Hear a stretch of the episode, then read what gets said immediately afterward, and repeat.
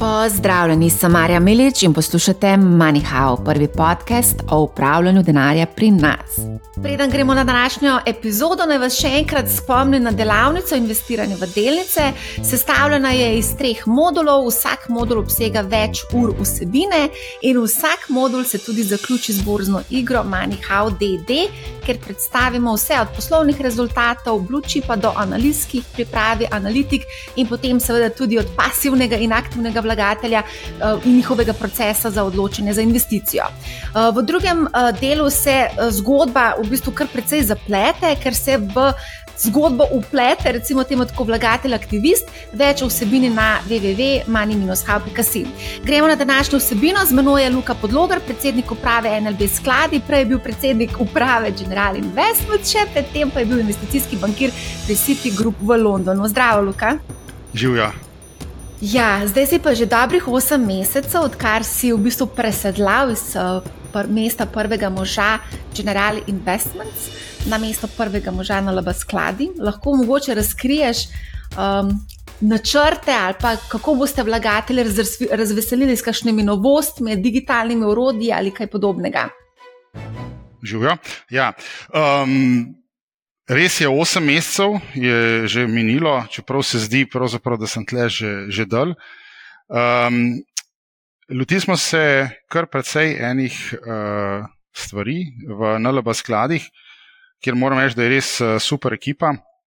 Um, ene te stvari so morda tiste, ki se morda na ven malce manj vidijo in so povezane predvsem z digitalizacijo, pa avtomatizacijo procesov, pri tem našem core delu na področju samega tradinga in upravljanja premoženja. Um, Sveda se pa zelo zavedamo tudi uh, trendov, ki so v industriji.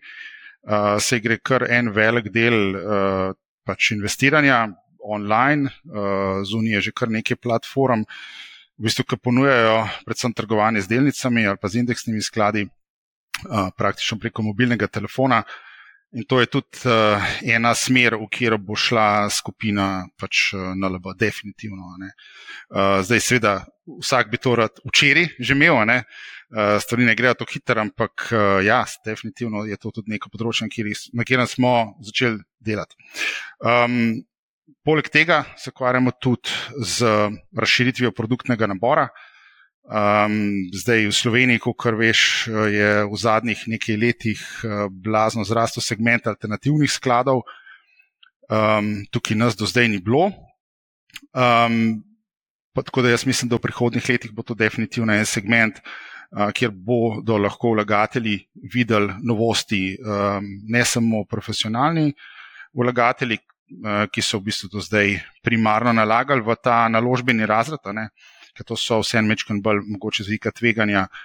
Uh, zahtevne naložbe, uh, tudi z vidika minimalnega vložka, so to mečken bolj um, zahtevne naložbe, ampak vse en uh, določen subset, določen manjši del teh naložb, pa vseeno lahko uh, ponudimo na način, da bodo primerne uh, za manjše vlagatelje, no in to, to pač v naslednjih letih uh, tudi nameravamo. Tudi na regulatornem področju v bistvu tukaj prišlo do kar nekih sprememb. Ene so slovenske spremembe, ene so evropske spremembe.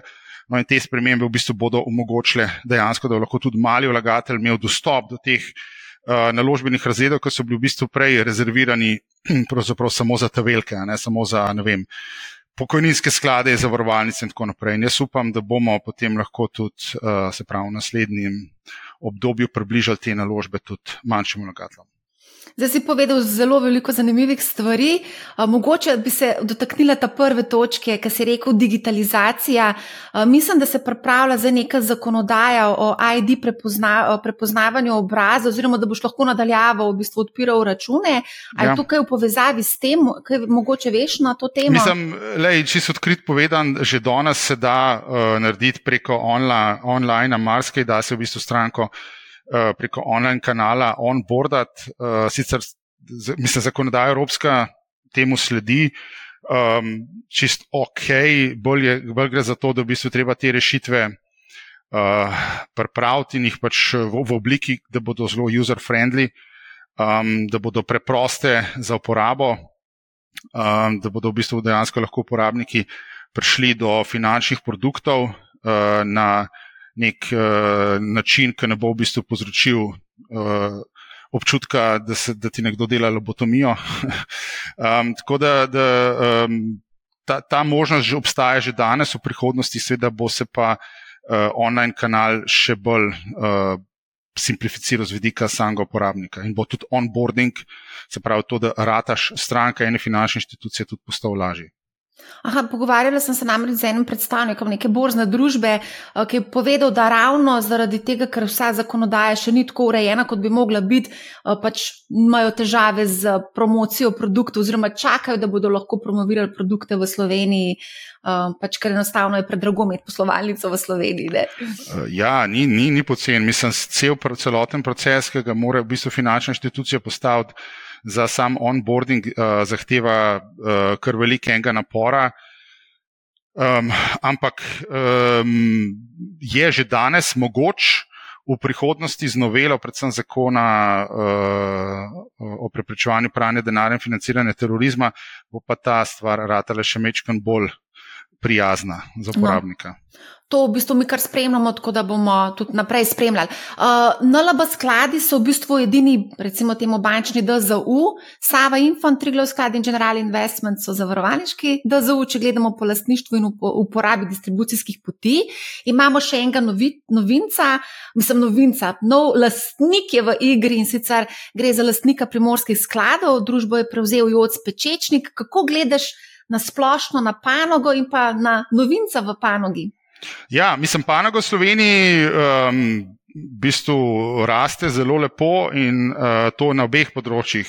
Sprav mi nekako smo iz te industrije gledamo uh, kot eno področje, recimo USIT sklade, to so tisti, ki so namenjeni za male vlagatelje, kot drugo področje pa recimo alternativne sklade, ki so namenjeni pretežno profesionalnim vlagateljem. In dejansko lahko danes recimo v USIT skladih je približno 4,5 milijarde evrov, kar je skoraj rekordna številka. Um, Medtem ko raste, dogaja tudi na alternativnih skladih, kjer, če sem prav videl, imamo približno že, zelo to že rahlo star podatek, z konca lanskega leta približno pol milijarde uh mhm. -huh. sredstev zbranih. Ne? Tako da v bistvu oba dva segmenta rasteta uh, zelo lepo. Um, na področju alternativnih skladov v bistvu praktično nekaj letih zrastel čisto nov player Alfi skladi, ne, ki tudi uh, konkurira uh, zelo uspešno za, za denar profesionalnih vlagateljev. Uh, na področju teh skladov, v katere investirajo pa predvsem mali vlagatelji, se pravi teh USIT skladov, uh, se pa v zadnjih recimo desetih letih konkurenca kar skršla, bilo je kar nekaj konsolidacije v panogi. Uh, no, in ena, pač v bistvu zadnja transakcija, ki se je zgodila, ja, je bil res uh, nakup primorskih skladov uh, strani Joca Pečečnika. Primorski skladi so danes eh, najmanjši DZU, ki ponuja USIT sklade, imajo nekaj čez 50 milijonov, če se ne motim, v upravljanju. Um, tako da bo zanimivo videti, v, bistvu, v katero smer se bo družba razvijala. Um, jaz mislim, da bo gospod Pečečnik sigurno prinesel veliko podjetniškega uh, spirita v, v družbo in vsaj, kot sem videl, v bistvu napovedi, uh, naj bi na trg lansirali morda še letos neke nove uh, produkte. Nimam pojma, kakšne.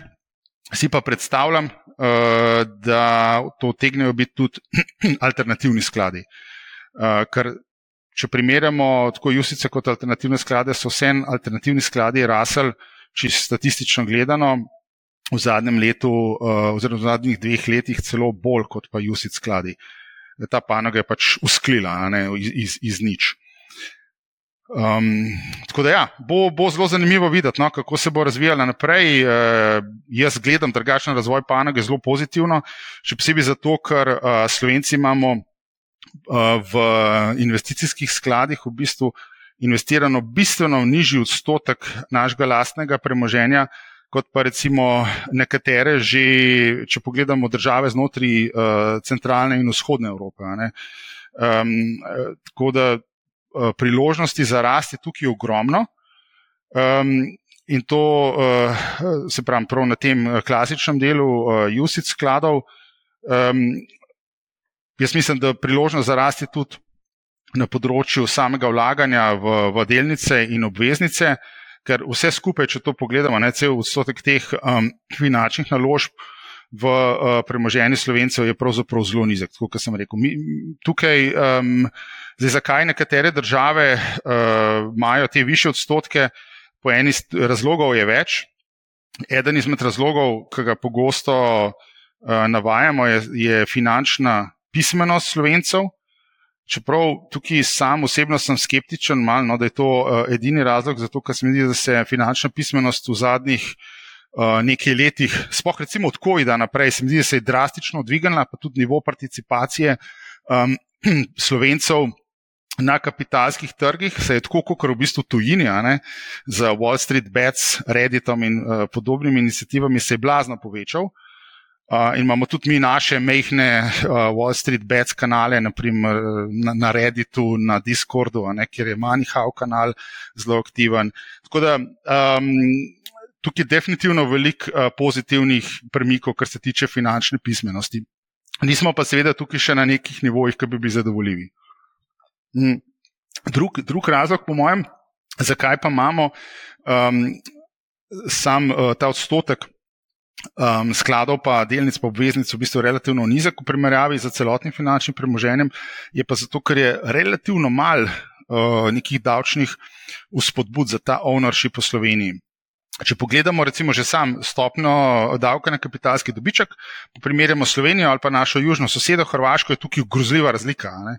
Um, zato, ker Hrvaš, na Hrvaškem, če se ne motim, si uh, brez obveznosti plačila davka po treh letih, medtem ko v Sloveniji moraš to čakati kar eno bistveno daljše obdobje. Uh, kar je v bistvu dost žalostno. Uh, druga stvar, ki pa tukaj definitivno ne pomaga, je pa pač nizek razvoj kapitalskega trga, ki pa je pravzaprav.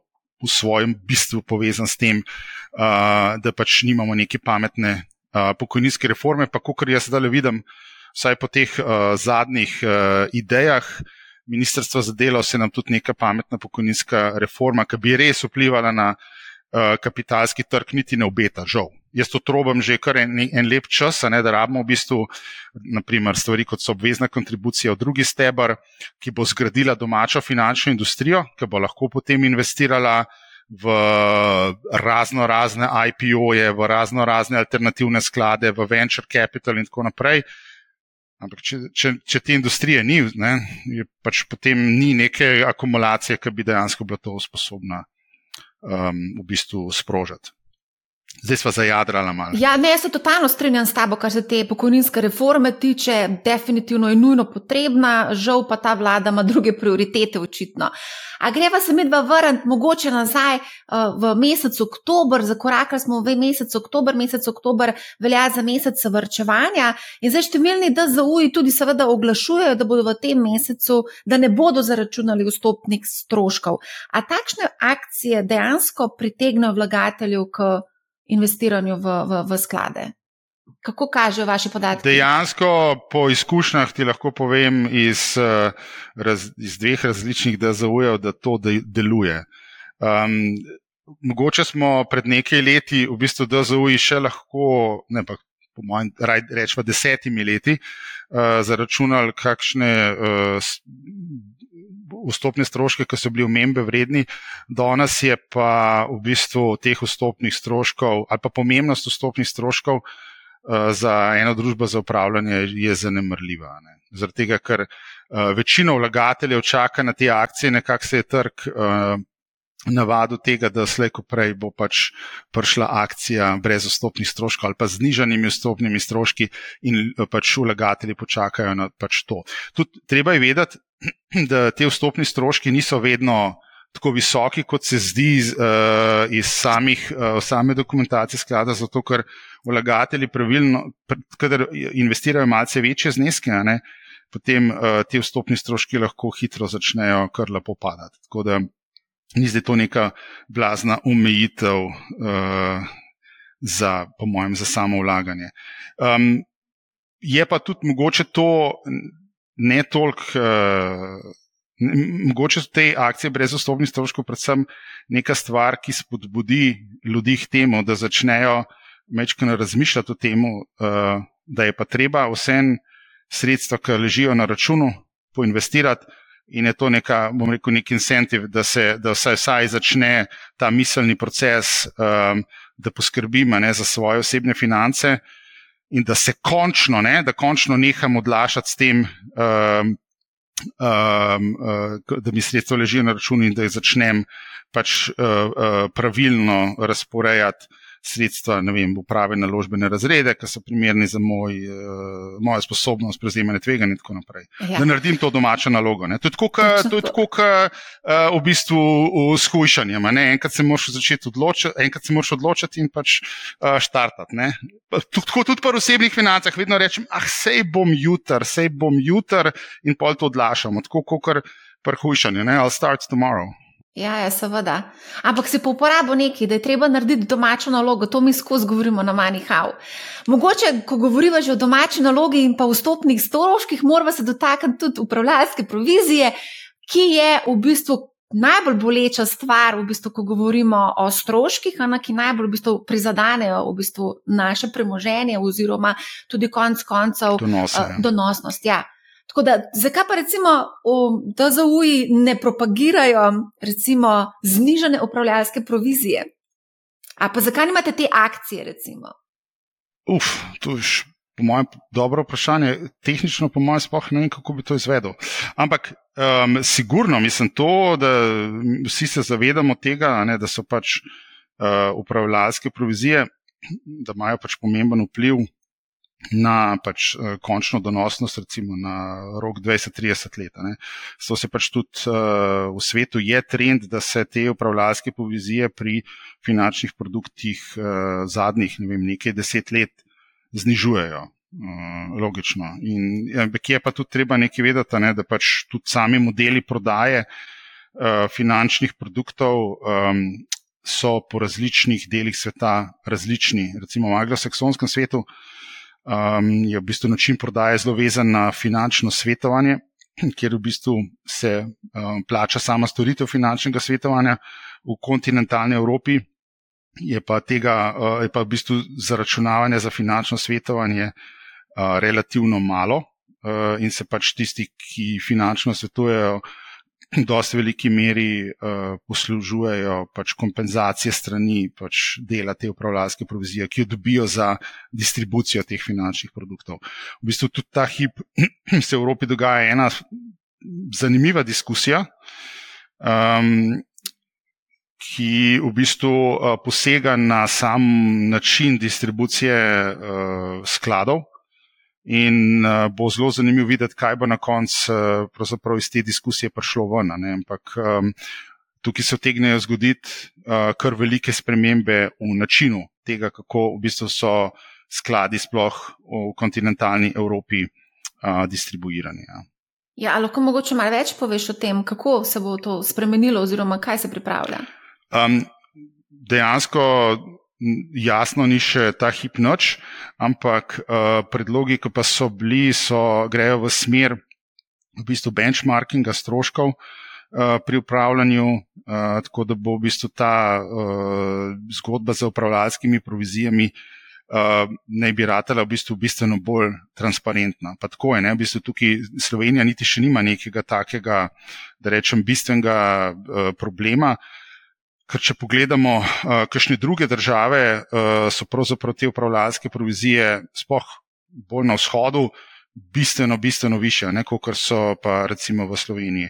Res pa je, da za neko pač globalno strategijo, pa pač morda v Sloveniji so vse uh, za določene sklade. Te uh, provizije malce više, kot pa mogoče pri določenih ostalih uh, uh, igravcih, ki imajo recimo obseg skladov merjen v, v desetinah milijard. Um, tako da tudi ta velikost uh, samih skladov, um, ki uh, pač jih upravljamo tukaj v Sloveniji, definitivno je povezana s tem, uh, kakšne so pač te upravljalske provizije. Um, Jaz mislim, da najbolj pomembna stvar je, da pač eh, se vlagatelji tega zavedajo, da probajo pač poiskati uh, nek optimum tukaj uh, med tem, koliko so pač sami pripravljeni vložiti časa v to, da se bodo s temi naložbami ukvarjali. Uh, ker se mi zdi, da vedno, če iščeš če vložiš veliko truda, lahko najdeš boljši del, absolutno. Um, do določene mere, ampak to po drugi strani ni primerno za vsakega vlagatelja, ne za nekoga, recimo, ki nima veliko časa, ki ima pač eh, svoj biznis, ki želi pač uh, samo neko hitro storitev, pa rešitev uh, na nekem uh, visokem nivoju, pa se pa pač zato mogoče. Uh, na račun convenience, ne pa če je pripravljen sprejeti malce višjo pač upravljalsko prozijo. Vse tukaj danes vidimo itek zelo velik um, um, trendov, če pogledamo mal, kaj se recimo dogaja na Sloveniji. Fire, uh, Redditu ali pa na Discord kanalu. Ne. Gor je veliko, bom rekel, cenovno občutljivih, majhnih vlagateljev, ki pač so pripravljeni investirati čas in iskati najboljši del. Uh, imamo pa v Sloveniji tudi cel kup uh, vlagateljev, seveda, ki pa za kaj tasga nimajo časa. Grejo pač normalno v banko, se usedajo s svojim osebnim bančnikom uh, in pač poiščejo neko, neko uh, pravo naložbeno uh, rešitev v okviru tega, kar pač ponujemo v Sloveniji. Um, banka ali zavarovalnica? Uh, ne, drugače, kar govoriš o teh uh, netransparentnosti v tej distribucijski verigi, dejansko je to pri nas problem pri samooklicanih, govorimo o samooklicanih finančnih svetovalcih, ker dejansko ne veš točno, koliko, račun, koliko on dobi od tebe, Ja. In potem ti še ekstra zaračuna, v bistvu ti dvakrat ali celo mogoče trikrat zaračuna za isto storitev. Ravno danes sem se o tem pogovarjal in to je zelo velik problem, da dejansko niso transparentni in nihče ne zahteva transparentnosti od njih in niti nihče jih ne nadzoruje, kar je največji problem v Sloveniji, če me vprašaš. Uh, odličen point. Odličen point. Uh, v preteklosti je bilo tega še več. Eh, moram reči, na trgu je bilo cel kup nekih, tako kot si ti rekla, samooklicanih finančnih svetovalcev, ki so od vlagateljev, um, ki so svetovali vlagateljem popolnoma pristransko, torej so jim svetovali, da grejo tiste naložbe, kjer so oni dobili v bistvu največje uh, provizije potem. Um, dost, dost teh zgodb se je v bistvu kar precej slabo uh, končalo, zato ker so v bistvu vlagatelje pelali v neke zgodbe, uh, ki so z vidika samega tveganja popolnoma neprimerne za njih. Um, Ne vem, zakaj regulator... govoriš o preteklosti, to se še vedno dogaja. Ja, se hočem reči, regu... ja. ja, to se še dogaja, ampak v, v manjši meri, vsaj kar je meni znano, no, um, uh, gre za pač neke posameznike ali pa manjša podjetja, ki se pač grejo to storitev. Ampak se pravim, um, v preteklosti je regulator nekaj teh biznisov že zaprl tako mal bolj uh, potihan so šle te stvari, ampak dejansko nekaj teh firm je uh, danes ne deluje več. Um, je pa žalosten, da se to še vedno dogaja, tako da pač ena svet za vlagatelje je, ne, če, če si želijo pač finančnega nasveta, ne gre potem uh, do nekih finančnih inštitucij, ki dejansko to lahko ponujajo oziroma ponujemo. Ne. Jaz vedno pravim, da če greš k finančnemu svetovalcu, moraš biti ekstra finančno pismen, zaradi tega, ker te lahko hitro okrog prenese. Mislim, a veš kaj, štos, te, te ljudje, ki omenjaš, ti se sploh ne bi smeli imenovati finančni svetovalci. Ja, se pravi, so samo oklicani. Mislim, ime finančni svetovalc, eh, pa te ljudje, v bistvu ne, to, to sta dva različna pojma. To je v bistvu dejansko so že, eh, marsikaj še od njih bi lahko skoraj oklicali za prevaranta. Um, ja, um, no, tudi lahko rečemo tako. Ja. Um, a greva mogoče naprej, da ne bova preveč se ustavila na eni točki. Um, zdaj, um, ko govorimo o teh stroških, ne, Um, zdaj, številne analize, oziroma samo pogledaš na katerem koli portalu, um, no, neč na katerem koli, na Bloomberg terminalu konkretno, relativno hitro lahko ugotoviš, da aktivno upravljeni skladi zaostajajo po donosnosti, nekateri tudi predvsej za temi pasivnimi skladi, torej ETF-i, ki kotirajo na borzi. In iz tega je jasno evidentno, da v bistvu ta aktivna upravljalska um, politika mogoče ni s temi stroški, ni najbolj optimalna za vlagatelje. Ja, mislim, raziskave uh, empirične, ne, ki so na tem področju, uh, dejansko kažejo na to, da uh, zdaj, raz, odstotki so različni, ampak v povprečju manj kot polovica aktivnih upravljalcev na daljše časovno obdobje presega primerjalne indekse. Um, To je pač pomemben faktor, ker tisti, ki je aktivni upravljalec, ne more za svojo dejavnostjo zaslužiti za upravljalsko provisijo, ne samo zato, da pride do, z, z donosnostjo na nivo primerjalnega indeksa in potem to donosnost primerjalnega indeksa še preseči. Tako da um, definitivno tega ni zmožen vsak, sploh pa bolj kot podaljšujemo obdobje merjenja, ne, Eh, manjši je ta odstotek aktivnih upravljalcev, ki ta indeks sposoben. Uh, V bistvu presegati. Zdaj, ko Tukaj govoriš o primerjalnih, sorry, motam, ko govoriš ja. o primerjalnih indeksih, ne, kaj mene moti pri primerjalnih indeksih, ki jih uporabljajo, recimo konkretno slovenski DZUI, da se pogosto spreminjajo.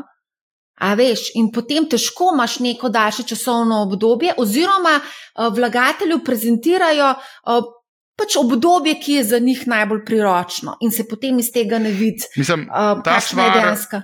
Ja, ta stvar je dejansko kar precej regulirana, no? kako lahko ti prikazuješ uh, samo donosnost. Um, tukaj so konkretna pravila, kaj konkretno lahko pokažeš vlagatelju uh, na grafu. Ampak uh, pa seveda, vedno je vprašanje, kaj je pravi primerjalni indeks. Um, tako da ja, pač To je ena izmed stvari, ki jo vlagatelj uh, mora upoštevati pri, teh, uh, pri, pri odločanju o tem, kam bo dal svoj denar.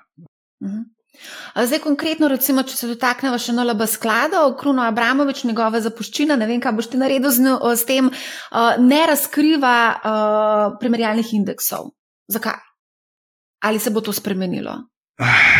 To mi je um, zdaj padalo na pamet. Sorry. Ja, ja um, lej, To je eno izmed področji, uh, na katerem pač delamo kar veliko interno. Uh, jaz sem pristaš velike transparentnosti.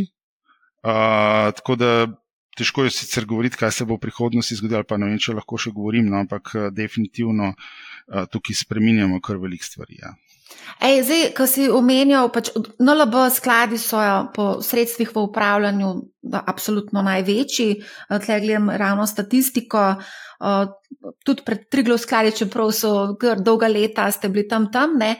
Um, pa me zanima, Recimo, um, glede na to, da imate nek vodilni položaj na trgu, tudi sama NLB banka ima pri uvajanju, recimo, ležarin je bila NLB prva, ali mogoče bi NLB skladi bili mogoče prvi, ki bi znižali uh, stroške in pač nekako spodbudili tudi vašo konkurenco, da zniža stroške in postane v bistvu bolj privlačna uh, naložba v vzajemni sklad za male vlagatelje.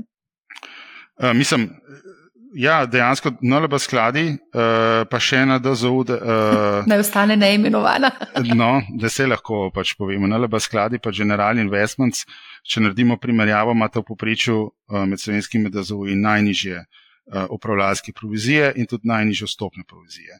Uh, tako da mi smo že v bistvu tukaj lider. Uh, Znotraj tega pula slovenskih DZU-jev, kar se tiče uh, nizkih upravljalskih provizij. Pač ti, ti produkti so slovencem čist uh, pač, uh, dostopni danes in uh, mislim, da upravljalska provizija ni tisti faktor, ki omejuje uh, uh, ljudi, uh, da ne vlagajo več, kot pa bi uh, vlagala.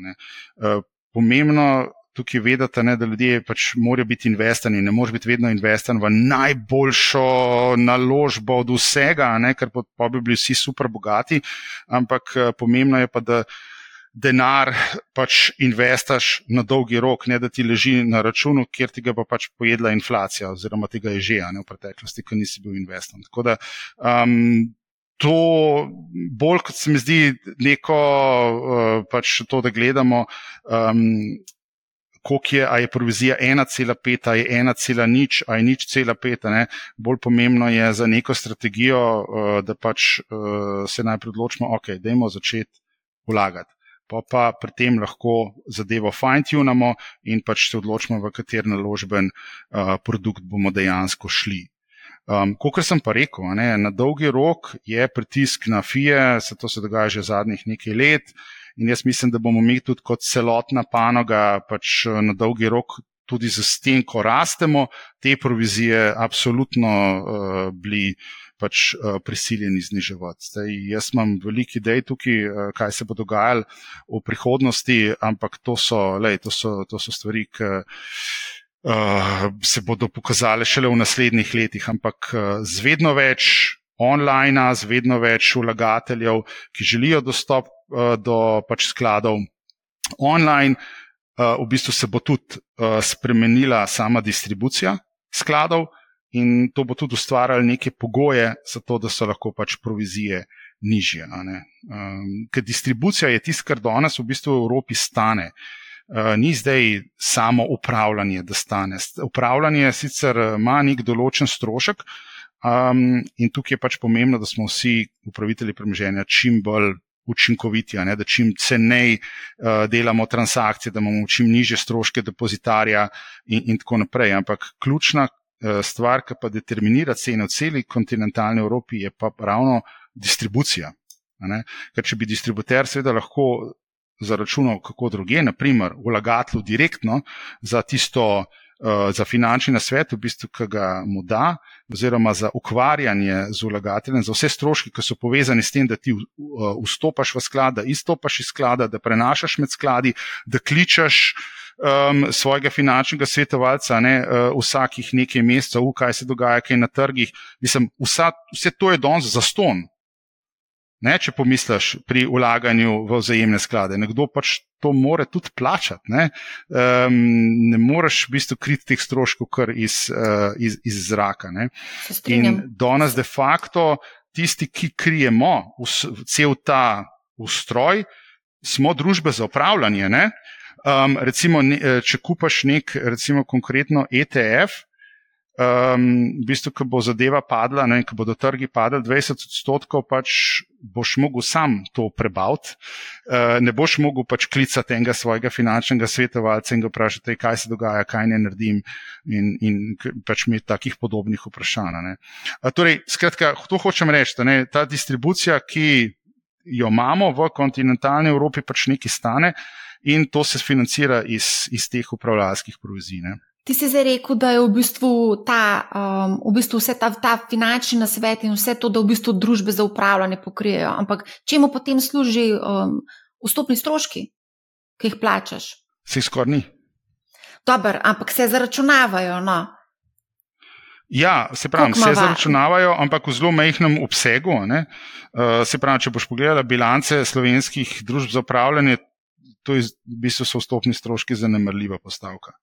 To je manj kot 10 odstotkov vseh prihodkov, še, od, še manj. Za nekatere pa... DZV skor, so skorči zanemrljivi ti vstopni stroški ratal. Aha, se pravi, se pa prihodki generirajo na podlagi upravljalske provizije in drugih produktov, ker imam pred sabo namreč tudi poslovne izkaze družb za upravljanje.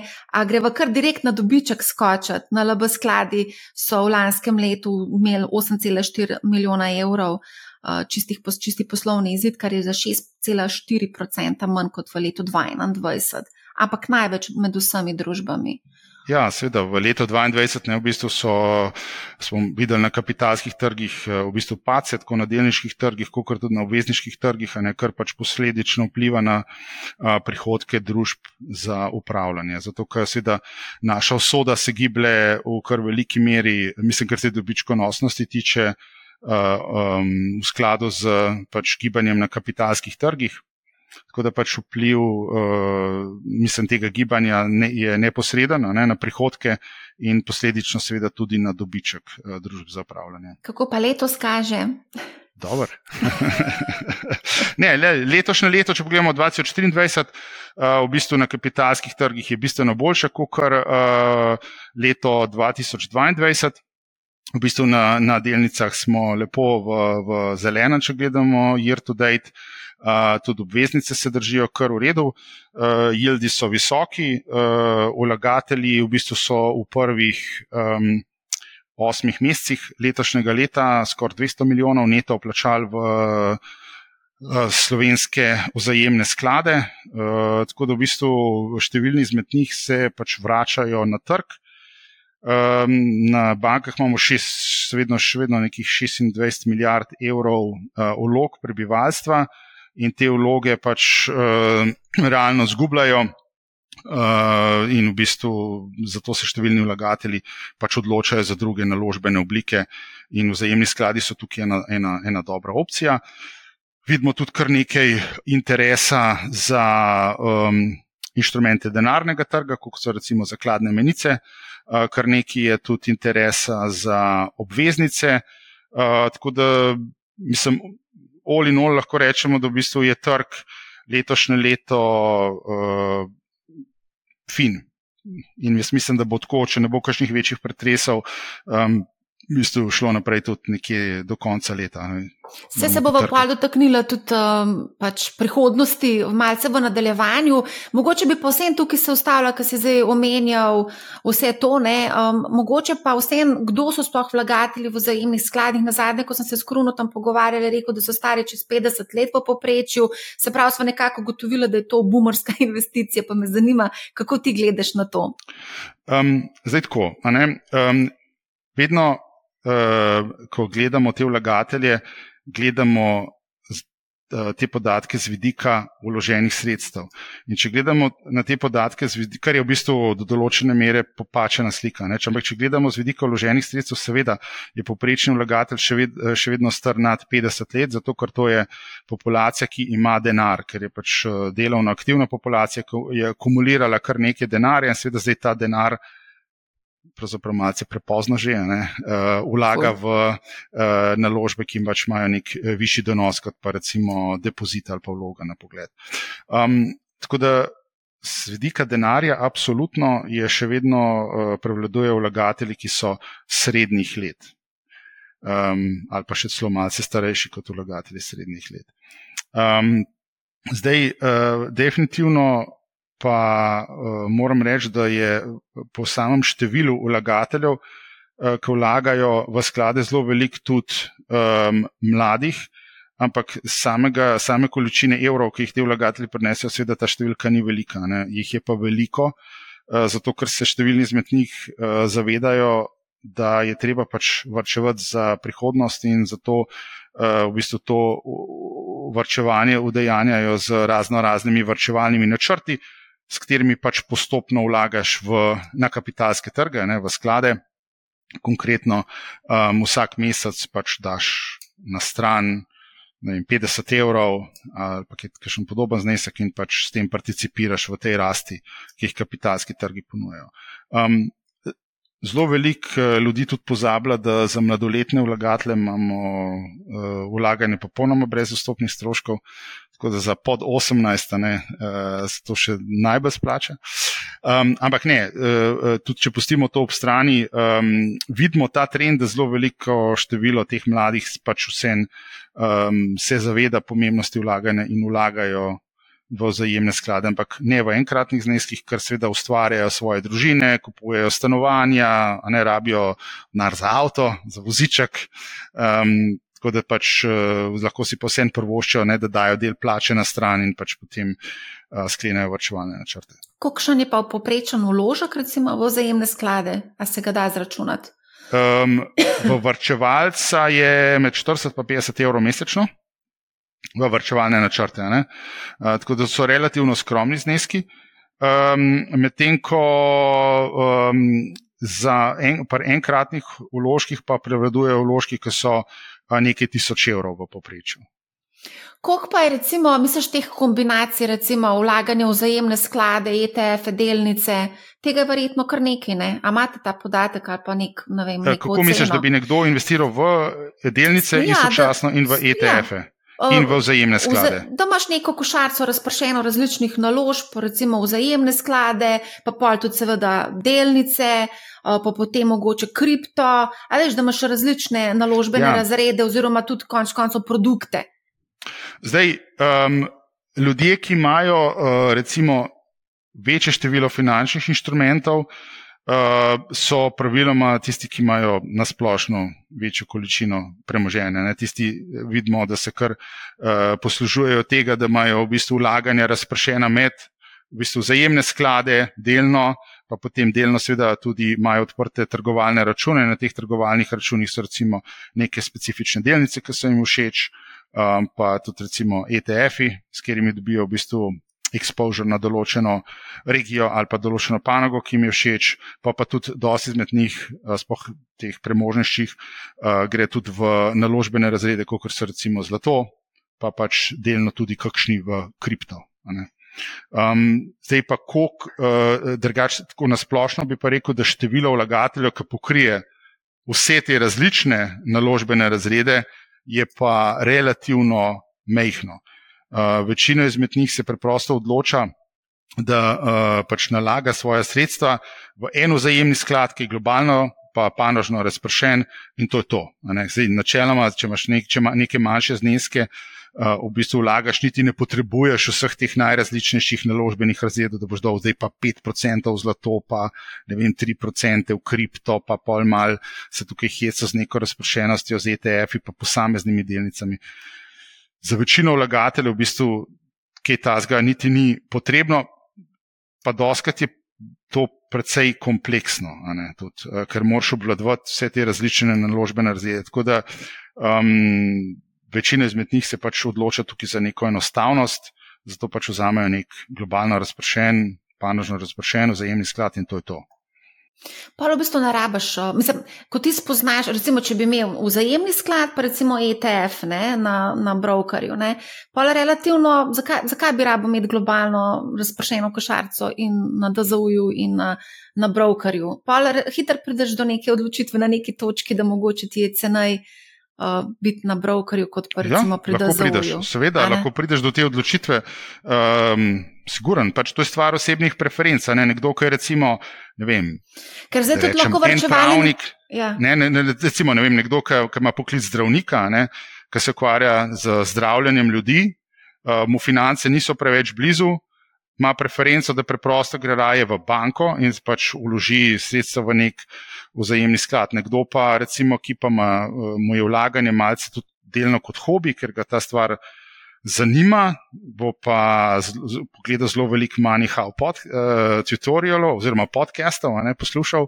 Um, pogledal bo recimo številne YouTube videote, pa bo mogoče pač odprl račun na eni izmed mednarodnih uh, trgovalnih platform in pa pač tam kupuje ETF. Pač stvar osebne odločitve, ampak bo pač potem se tudi s tem, rečemo, dnevno ali pa vsaj enkrat tedensko malo uh, ukvarjal, pa bo malo spremljal kapitalske trge in bo mogoče tudi te naložbe, kaj sam po lastni presoji. Um, Prenašal, empirično gledano, ne, pa moram reči, vsaj iz vidika behaviorističnih financ, uh, se pa žal te odločitve predstavljanju premoženja v povprečju končajo relativno slabo. Ne.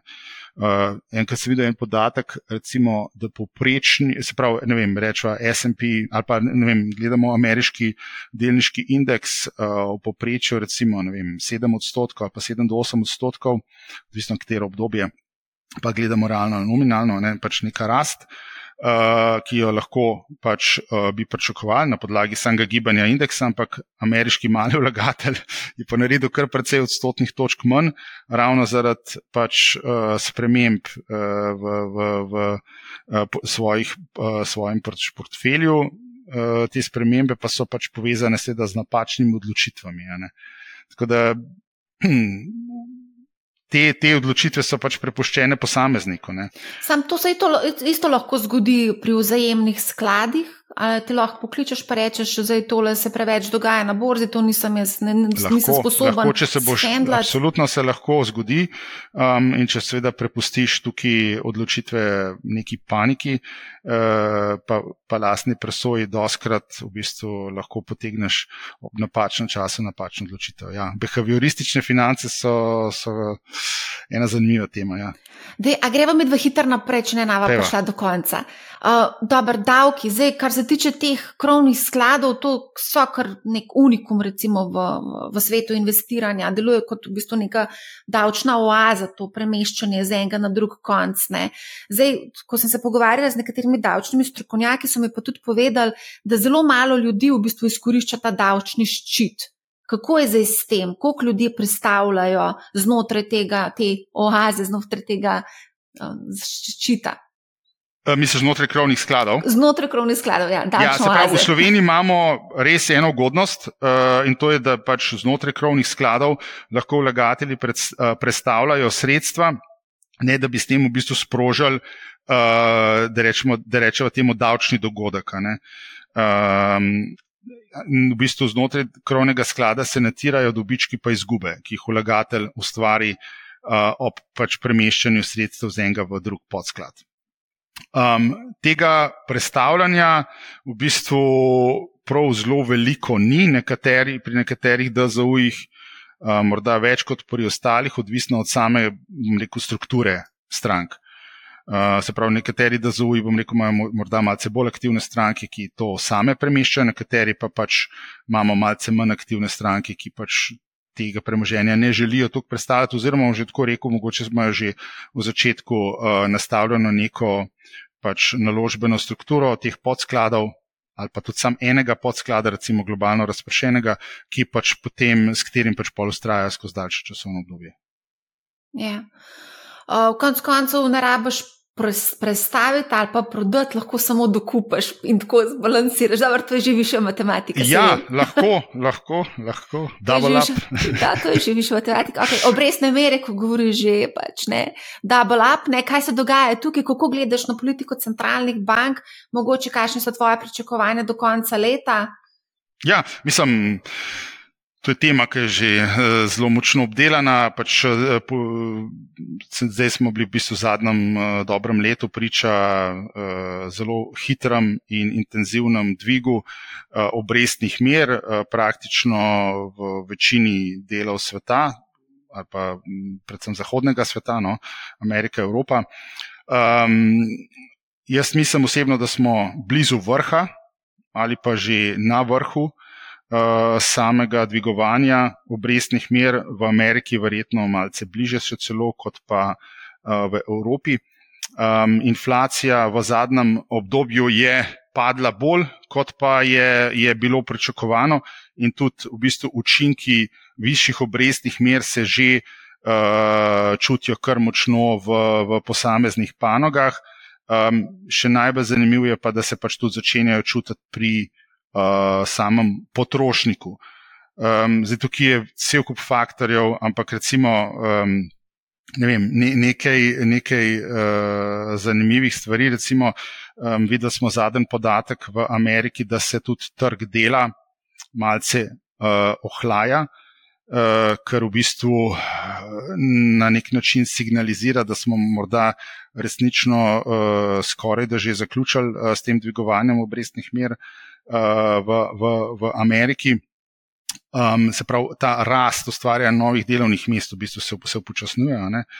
Um, v Evropi vidimo podoben trend, uh, videli smo v bistvu relativno pesimistično uh, razpoloženje pri uh, purchasing managerjih, ne, pri uh, uh, nabavnih uh, menedžerjih uh, v Evropi, čeprav dobro moram reči, da spoh pri industrijski proizvodni se ta, ta trend vrtuje malce oziroma tako rekel, da se spremenja malce bolj v smer optimizma, ni še optimističen področje, ampak uh, se, se obrača iz bolj negativnega v, v manj negativnega. Um, ampak se pravim, pri pr celotni tej zgodbi, mislim tudi, da je Nemčija v tehnični recesiji, ampak pri celotni tej zgodbi pač um, nekako je, je, je treba. Pač, videti, uh, spoh v Ameriki, da se, uh, so se stroški življenja za posameznega, mislim, za poprečnega ameriškega potrošnika kar, kar pošteno zvišala. Ne? Sploh pa uh, imamo tukaj poleg tega še vpliv, da so se zmanjšale, uh, v bistvu praktično so že izpuhtele uh, tiste spodbude oziroma tisti dodatni prihranki, ki so nastali zaradi COVID spodbud. Naj meni podatek, recimo, ki je meni blazno zanimiv. Če pogledamo v zadnjih treh letih, se je strošek obroka za 30-letno stanovansko posojilo v Ameriki več kot podvojil. Je šel iz nekaj nad 1000 uh, dolarjev na približno 2300 dolarjev. Um, sam polog, ki ga pa more uh, američan dati recimo za uh, to, da kupi stanovanje, šel pa iz 60 tisoč na 80 tisoč dolarjev. To, to je kar ena bistvena, ena močna podržitev v bistvu um, stroškov, stroškov življenja. Tudi recimo od približno 2100 milijard, kot sem prej omenil, tistih COVID spodbud, ki, bile, ki jih je v bistvu ameriški potrošnik dobil, je zdaj približno 1900 eh, milijard tega denarja že v bistvu bilo porabljenega.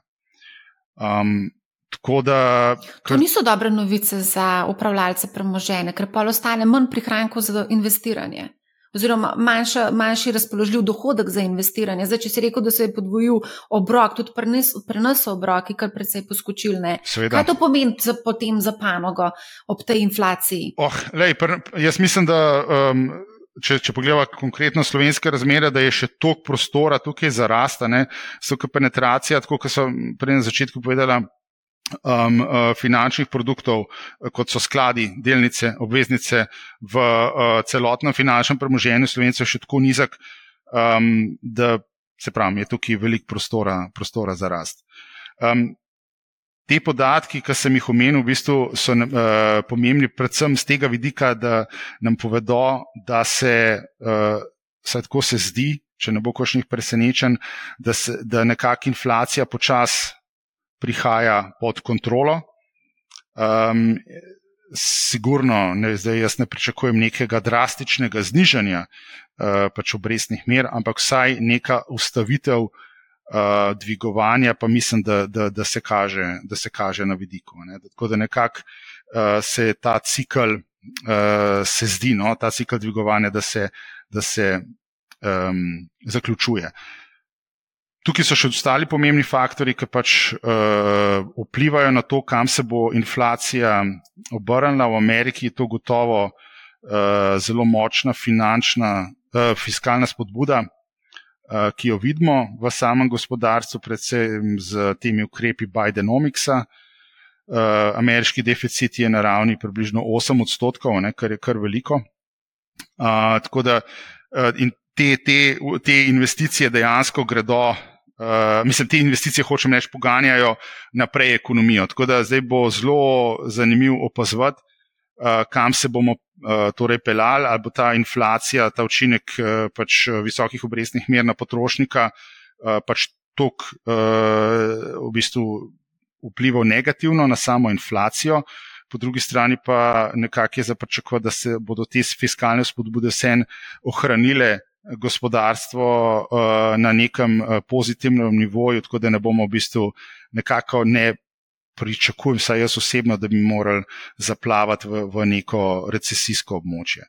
Um, sicer napoved um, trenutno verjetnosti recesije tam okrog 50-60 odstotkov, je pa ta kazalnik zelo volatilen, pa zelo nezanesljiv. No, tako da pač konkretno se ne bi preveč v bistvu zanašal na to, na, na povedno moč v bistvu tega kazalnika.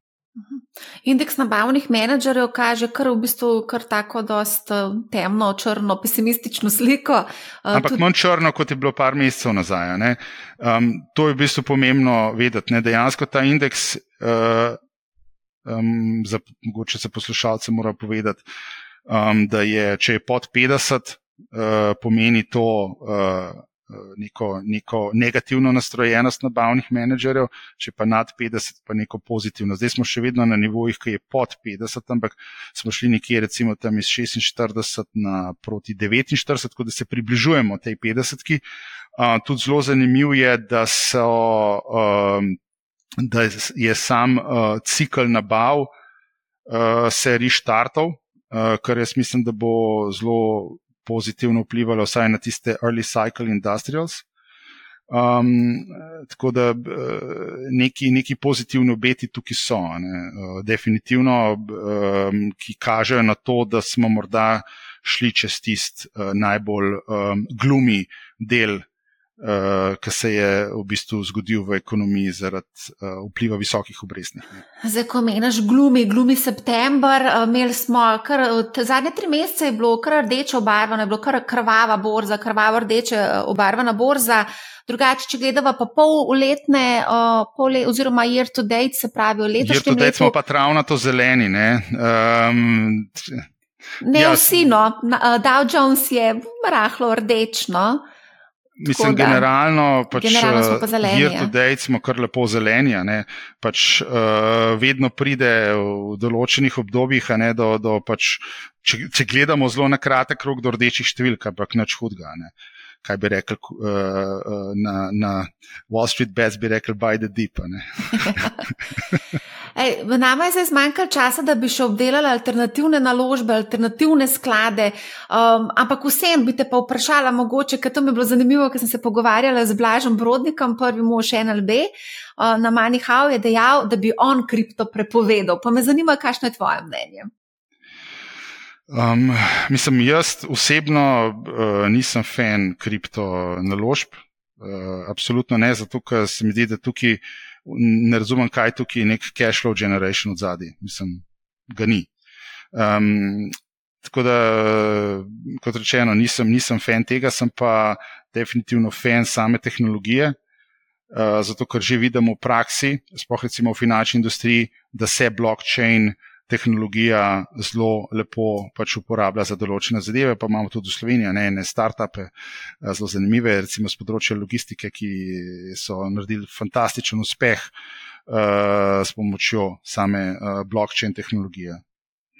Za me, recimo, um, če že vlagatelji gledajo blok, te pač recimo kripto kot naložbeni razred, uh, bi pač jih jaz res tukaj pozoril, da bo, naj bodo maksimalno previdni, pa da naj ne nalagajo prevelike količine premoženja v to, ali pa da ne, niso, kakšni so pravzaprav 100% poinvestirani v ta asset class. To se meni definitivno ne zdi pametno, ker je pač zelo volatilen. Po drugi strani pa je ena zelo, tako čist, če pogledamo čisto matematično, kaj res dobim, če vlagam v kripto, dobim kakšno diverzifikacijo mojega portfelja. Ne, ne dobim. Ne, de facto ne dobim. Ne zakaj bi pol v bistvu vlagal v kripto um, neki večji del svojega premoženja. Morda je za kakšne sicer zelo privlačno to, ker pač ga lahko relativno preprosto tradaš, ne preko teh online platform. Ampak to ni pravi argument za kako. 24 ur na dan, ja, ampak to ni pravi argument, ne, da, da damo naš denar v, v neko relativno tvegano naložbo. Ne. Um, okay. Zdaj, če bi imel, ne vem, uh, koliko rečemo, 10 tisoč evrov, kaj bi s temi 10 tisočaki naredil? Rekel si, da recesije ti ne vidiš, oziroma nekega korenitega, a vidiš kakšen korenit popravek na borzi, mogoče v prihajajočem letu, mesecih? Oh, tlej, to je tako um, short term, ne razmišljanje. Uh, jaz nisem pač po naravi tako, da bi gledal na stvari zelo neki short term tradersko, uh, tako da je zelo težko napovedovati neke priprav, popravke. Trgi so volatilni, bodo volatilni, vedno, če govorimo o delniških trgih. Um, da, ampak jaz mislim, saj jaz osebno se s tem niti, niti mal ne obremenjujem. Tako da, če bi imel recimo 10 tisoč evrov, bi ta znesek absolutno globalno razpršil. Um, uh, kaj to pomeni, da bi dolga v nek produkt, ki investira recimo v globalne delnice. Jaz mislim, da še nisem prestar, da si lahko prvošem 100% delniški portfelj. Um, bi pa morda pač čez, uh, z vidika samega časa ta znesek razporedil recimo ne vem, na neke štiri kose, pa bi v bistvu v enem časovnem obdobju šestih do dvanajstih mesecev ta znesek postopoma poinvestil. Ne. Lahko bi tukaj, morda bi si prvoščil, da bi recimo uh, probolovit kakšen uh, padac, pa bi šel noter Eh, za recimo 2500 evrov, kar je četrtina desetih jurjev, eh, takrat, kadar bi trgi mečkan eh, počepnili. To bi recimo mogoče naredil. Ja, uh, to dobim namreč zelo pogosto vprašanje, ali je zdaj pravi čas za investiranje. Jaz vedno rečem, da je vedno pravi, pravi čas. Zmer je pravi čas. Najhujše, če nisi investan, to jaz skozi govorim. Najhujše, če čakaš na pravi čas, zato ker ta pravi čas potem ne bo nikoli prišel. Pravi čas za investirati je bil včeraj ti moraš biti investiran, ti ne smeš pustiti denarju, da tam gnije na računu. In ker bo v bistvu tisto, kar je na računu, sam zgublja vrednost. Ne? Ja, teh 26 milijard, to smo spet, to imamo skozi debate, okrog teh 26 milijard, to nimajo tako in generalno ljudje, ampak to ima par procentov populacije. To se kaže, kaže neke ocene. Ja, ampak nimamo tudi, tega denarja. Na računu, Sveda, ampak tudi če imaš ti na računu, ne vem, recimo 10 ur, bo tudi tu njih 10 ur. Tistih 10 ur ni zaščitenih pred inflacijo. Ni zaščitenih pred inflacijo. Ne. ne. Ni. je pač vsakega je ta znesek različen, ne, logično, ne, se niso vsi uh, enako bogati, ampak tudi tisti. Tudi če imaš malo denarja, si lahko prvošaš, da ti ti denar na računu uh, realno zgublja. Po mojem, da ne. Danes lahko kupiš tudi frakcijo delnice za zelo malo denarja. Tako je, tako je, res je. Predvsej smo šli naprej, ne, kar se tega tiče. Luka, najlepša hvala za odlično debato. Nekaj teme še ostalo, tako da definitivno te še ponovno povabimo v, kot gosta, da predebatiramo tudi alternativne sklade, ki so zelo zanimivi. Kdaj misliš, da bo ta opcija na voljo tudi za male vlagatelje? Um, časovnice, ja. časovnice. Časovnice, časovnice. Um, jaz osebno upam, da v 2024, najkasneje 2025. No, bomo videli, te vladi se časovnice niso dobro obnesle, upam, da se bojo tem. Bom se zelo trudil, absolutno. Vela, super, hvala. Najlepša hvala, da ste spremljali to debato. Poslušajte Manihau, ne bo vam žal in lep pozdrav.